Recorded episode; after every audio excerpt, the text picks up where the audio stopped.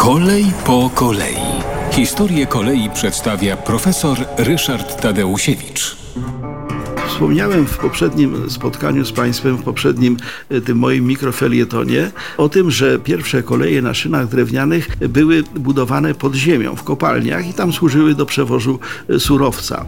Taką kolej na powierzchni ziemi, e, chyba pierwszą, która była wykorzystywana, kolej na bazie szyn drewnianych, zbudowano w Salzburgu.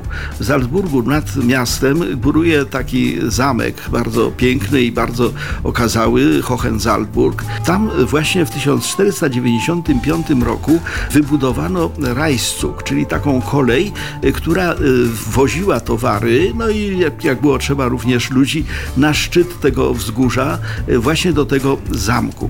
Ta kolej, która była właściwie koleją linową de facto, oczywiście jechała po tych torach drewnianych, ale napęd był linowy, liną konopną to było napędzane. Ta kolej była napędzana kołem deptakowym, to znaczy po prostu do tego, żeby, żeby wciągać te wagoniki, około godziny trwała taka jazda pod górę, trzeba było mieć jakiś napęd.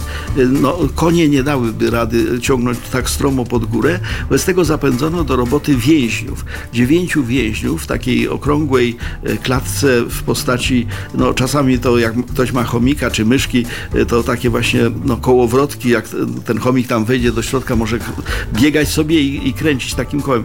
Coś takiego, tylko z mniejszą pewnie przyjemnością niż ten chomik, wykonywali więźniowie i ten Reichszug w Salzburgu, jeszcze raz przypomnę, data 1495 rok, to był prawdopodobnie pierwszy przypadek, kiedy kolej na drewnianych szynach pojawiła się pod gołym niebem. Potem tą ideę kolei na drewnianych szynach, też właśnie na powierzchni, pod gołym niebem, wykorzystano w Anglii.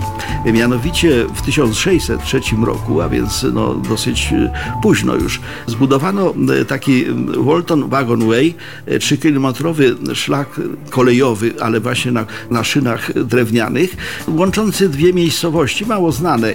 To były Stert i Wagonway do przewozu węgla.